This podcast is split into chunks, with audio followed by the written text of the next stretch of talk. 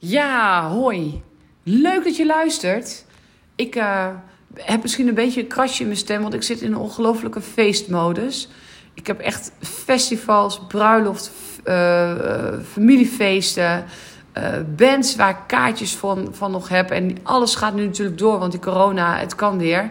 Dus ja, ik, ik heb het erg druk met feesten, waar ik ontzettend overigens van hou als tweeling. met Mercurius en zon in tweeling dus. Um, dus als ik een klein kraakje in mijn stem heb, yes, dat klopt. Maar ik vond mijn stem wel weer goed genoeg. Dus vanavond dacht ik, ik ga gewoon weer een podcast opnemen. Maar ik, ja, ik heb inderdaad wat suggesties voor jullie binnengekregen. Superleuk.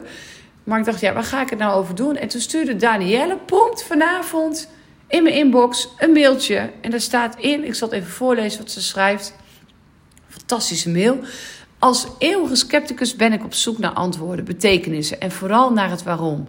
Oké, dit klinkt wellicht heel vaag, maar mijn vraag is eigenlijk: is astrologie waarheid of een geloof? Hoe zit het in elkaar en wat maakt het dat het wel een waarheid is voor velen als het geen wetenschap is? Of is dit het wel? Kan ik het geloven? Nou, prachtige vraag van Danielle moest ook heel erg lachen toen ik hem las. En heel leuk als ze deze vraag stelt. Het is natuurlijk iets waar ik heel vaak mee te maken krijg als astroloog. Ik zag gewoon heel veel mensen die vragen van... Ja, maar geloof jij daarin? Ik geloof er helemaal niks van. Of maar het is wetenschappelijk helemaal niet bewezen. En nou, super mooi. Want ik hou ervan als mensen kritisch en sceptisch uh, naar de wereld kijken. Dus ik probeer in deze podcast even een beetje uit te leggen hoe het zit. En hoe ik er naar kijk. En dan nog eens aan jou wat je ermee doet uiteraard. Um, ik neem je eerst heel even mee in de geschiedenis van de astrologie. Want het is wel goed om daar even mee te beginnen, denk ik. Ik heb daar in de eerste podcast ook al wat over verteld. Um, maar dat doe ik nu ook even. Om even een beeld te scheppen waar het vandaan komt en wat het nou eigenlijk is. Nou, astrologie is al duizenden jaren oud. Ik weet niet precies hoe oud. Ik geloof 7000 jaar of 8000 jaar oud. En de Babyloniërs, dat waren eigenlijk het eerste volk die zich daarmee bezig hield met astrologie. En dat was een hele andere vorm zoals wij die nu kennen. Dus het was helemaal geen geboortehoroscoop met huizen en planeten en ascendant en noem maar op. Dat was er allemaal nog niet. Maar wat ze wel deden was dat zij heel nauw de hemellichamen volgden aan de hemel, of hoe ze liepen. En zij ontdekten dat uh, op bepaalde punten het goede momenten waren om bijvoorbeeld te zaaien en te oogsten. Ze keken waarschijnlijk ook naar de maan, maar ook naar andere planeten. En dat werd eigenlijk steeds meer uitbreid. Dus op een gegeven moment merkten ze ook van... hey, als eh, Mars in een bepaalde stand staat... Mars is natuurlijk van de actie en pionieren, en, maar ook van de oorlog... Dus een rode planeet, die is heel herkenbaar aan de hemel. Nou, als hij op een bepaalde uh, manier aan de hemel staat, een bepaalde plek... dan is het volk wat onrustig... en dan is het misschien wel een heel goed plan om dan juist oorlog te gaan voeren. Want dan krijgen we het volk een beetje mee. Nou, en uh, uh, een ander iets was bijvoorbeeld de koning. Er werd, toen in die tijd werd er waarschijnlijk de koning niet gewoon troonopvolger van je bent de oudste, dus jij bent koning. Nee, er werd gekeken bij de kinderen als er een nieuwe koning moest komen. Welk kind, welk koningskind de, onder het beste gesternte geboren was. En uh, wie keken daar nou naar? Nou, daar keken de astrologen naar. En de astrologen waren een soort profeten in die tijd. Het was echt een missie. Het was iets waarmee je uh, uh, geboren werd, waarmee je, je, kon niet anders dan dat je dat ging uitdragen. Uh, je was een astroloog. En ehm, nou, zij adviseerde de koning, het koning, koningshuis of het leger. Dus had een hele belangrijke functie binnen Babylonië, binnen het land, binnen het, het rijk. Nou, er zijn heel veel kleitabletten en dat soort dingen zijn er gevonden. En op een gegeven moment is er ook iets gevonden. En dat is waarschijnlijk de eerste horoscoop, geboortehoroscoop, die het meest op die van ons lijkt. En dat is van een jongetje. En er stond uh, een tekst stond erbij, iets in de trant van... is geboren met de, de, de reizende zon in Ram. Iets, zoiets was het. Ik weet de tekst niet precies meer uit mijn hoofd. Waarschijnlijk bedoelen ze daarmee de ascendant. Dat dus op het moment van de geboortedag dat de zon opkwam in het teken Ram. Of dat de ascendant, de rising sign, dus het reizende teken, dat dat de ascendant is geweest. Maar precies weten ze niet, maar dat vermoeden ze. En waarschijnlijk is dat eigenlijk de eerste, de, de, de voorouders, zeg maar, van de horoscopen zoals wij die nu kennen, de geboortehoroscopen. Nou, astrologie heeft nooit stilgelegen. heeft zich altijd ontwikkeld. Uh, en uh, rond uh, de, de verlichting, dus dan hebben we het over wanneer is dat geweest? 18e eeuw, denk ik. Ja, 18e eeuw geloof ik. het was een verlichting en de verlichting die is, daarbij werd, er, werd eigenlijk alles wat niet aantoonbaar was, werd, er werd, twijfel, werd in twijfel getrokken. Dus het geloof, maar ook astrologie. Dus als je het niet kon waarnemen, als je het niet kon zien, dan werd dat weggezet. Want de verlichting zei, ja, je moet uitgaan van de geest. De geest is belangrijk en wat je, je moet het kunnen beredeneren en niet geloven. Nou, dus astrologie is toen eigenlijk van een universitaire opleiding, of in ieder geval een opleiding in Nederland, eh, is dat helemaal gestopt. Maar ondergronds is het altijd doorgegaan. Astrologie is nooit verdwenen. En eigenlijk is nu de laatste jaren is astrologie heel erg in opkomst. En er zijn heel veel stromingen in de astrologie. Vroeger had je eigenlijk de klassieke astrologie, die keek tot en met zeven planeten, dus tot en met Saturnus, met de maan dan erbij, hè, uh, werd er gekeken. En die, die uh, duidt heel zwart-wit, van zo is het. Nou, en op een gegeven moment is daar eigenlijk samen met de, de opkomst van de psychologie, is daar een hele andere, andere kijk op astrologie gekomen. Jung heeft daarbij een hele belangrijke rol gespeeld, Carl Gustav Jung. Um, psycholoog, tijdgenoot van ons alle bekende Freud, die iedereen op de bank legde natuurlijk. Even kort door de bocht, hè jongens. Maar uh, nou, uh, Jung heeft een hele belangrijke rol daarin gespeeld. En uh, eigenlijk sinds die tijd, rond 1930, zo rond die tijd, 1940, is de psychologische astrologie heel erg in opkomst gekomen. Dus er is heel erg gekeken naar, maar wat doet het eigenlijk met de psyche van de mens? Ehm, en later, nu heb je de spirituele astrologie en ook de evolutionaire astrologie. Die kijkt veel meer naar wat gebeurt eigenlijk, uh, welke evolutie heb je als mens door te gaan, uh, door te maken.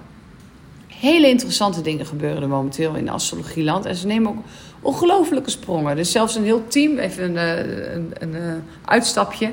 Waaronder Karen Hamaker, geloof ik, die zit daar ook bij. En die komen bij elkaar en die zijn echt alleen maar bezig met de financiële wereld. Ze zijn alleen maar het berekenen en het uitzoeken en zo. Van hoe uh, steekt dat in elkaar? Kunnen we daar ook enigszins een tendens in zien? Of hoe loopt die lijn? Nou, super interessant. Um, dus is astrologie een wetenschap? Ik durf het niet te zeggen. Ik denk dat het vooral uh, door ervaringen uh, is ontstaan. Door heel nauwgezet uh, alles te volgen wat er aan de hemel gebeurde. Uh, en daar uh, betekenis aan te ontlenen. Zo is dat denk ik eigenlijk ontstaan.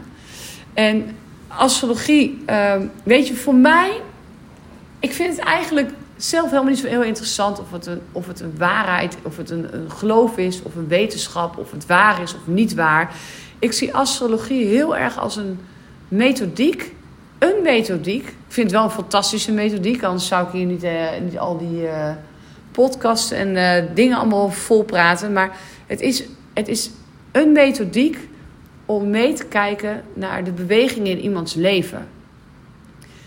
En ik denk als je ervan uitgaat, daar ga ik dan vanuit als astroloog, dat alles energie is. Alles verhoudt zich tot een ander. Als jij de planeten maken een baan. dus als daar een planeet een andere richting op gaat, of die loopt retrograde voor, voor het oog, of die uh, haalt, gaat naast een planeet staan, dan gebeurt er wat. Dat is hetzelfde als een groep mensen. Dat is ook een systeem. Het is, ja, systemisch werkt, daar ben ik ook heel erg van. Uh, maar dat werkt eigenlijk ook zo. Um, als er één iemand uitstapt of één iemand verandert van de plek, verandert eigenlijk het hele systeem. Nou, en dat, zo zie ik dat ook bij de planeten. Dus het is een manier, een weerspiegeling om een gesprek te gaan met iemand over hoe uh, iets van binnen uh, werkt. En um, dat is gewoon heel interessant. Want het gaat er eigenlijk niet om hoe het werkt, maar wel dat het werkt.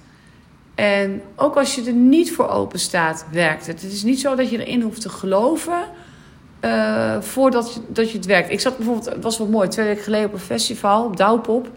Superleuk. En we hadden daar twee mensen achter ons. Uh, allebei wetenschappers. Goede baan in de medische...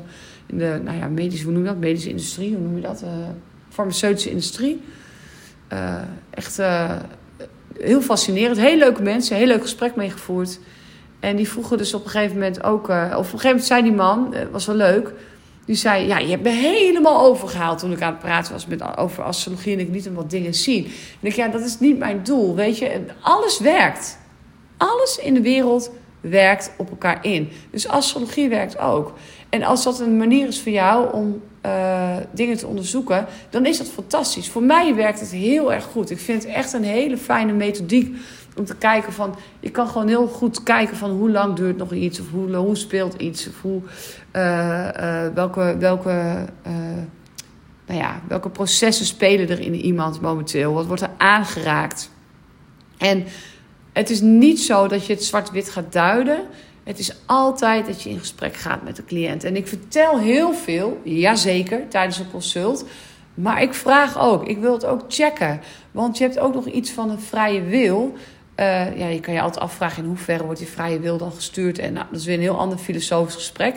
Maar je hebt toch een vrije wil. Je hebt ook te maken met dat je opgroeit in een, bepaald, uh, in een bepaalde familie. Heb jij kansen gekregen? Ben je gezien of niet? Uh, en, en, en heb je daar nog heel veel uh, in te doen? Dus het is heel erg afhankelijk van hoe iemand is. Dus het is, het is niet niks anders dan een springplank, een blauwdruk waarvan, waaruit iemand kan gaan handelen. Dat is het. Maar dan nog is het altijd onderzoekwaardig.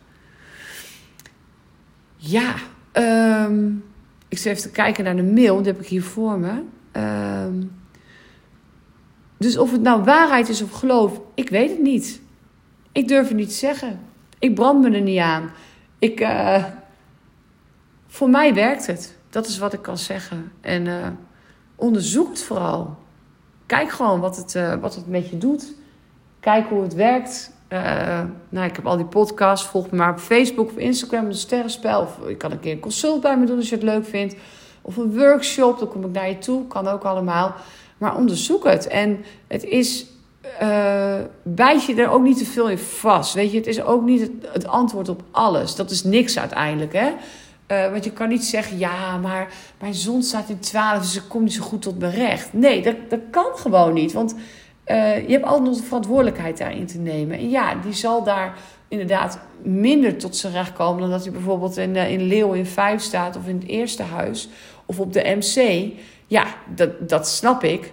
Uh, maar uh, hij komt, misschien kan je beter zeggen, hij komt anders tot zijn recht. En dat is het onderzoek waard. Nou, het is een heel verhaal. Ik, ik zit nu echt na te denken, wat heb ik eigenlijk allemaal verteld? Maar ik denk dat ik hem toch ga plaatsen. Uh, want misschien is het wel interessant.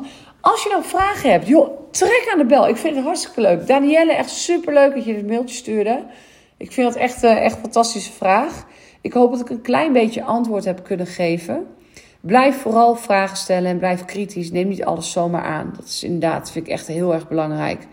En uh, uh, ja, ik zie het als een methodiek. En of het nou waarheid is of wetenschap, vind ik eigenlijk helemaal niet eens zo interessant. Maar goed, wat jij ervan vindt, mag jij uitzoeken. Ik wens jullie een hele fijne dag, avond, ochtend, wanneer je dit dan ook luistert. Ik ga binnenkort nog meer uh, podcasts maken hoor. Maar ik denk eerst deze, want dat vond ik wel een hele leuke vraag. En als mijn stem wat beter is, dan volgt de rest. Nou. Um, oh ja, schrijf je nog even in voor. Uh, dat is misschien wel leuk voor, de, voor mijn nieuwsbrief. Dat klinkt heel suf. Ik las laatst ergens dat ik dat helemaal niet geen nieuwsbrief moest noemen. Want dat schrikt mensen af. Want dan denken ze: oh nee, een nieuwsbrief. Maar jongens, ik schrijf echt wel leuke dingen, denk ik. ik uh, over de planeten, wat er gaande is. En elke maand sowieso over de volle maan. Uh, ik, ik spam je niet plat en je kan je altijd uitschrijven. En dat kan via mijn website www.hetsterrenspel.nl. Yeah! Nou, tot de volgende podcast. Doei doei!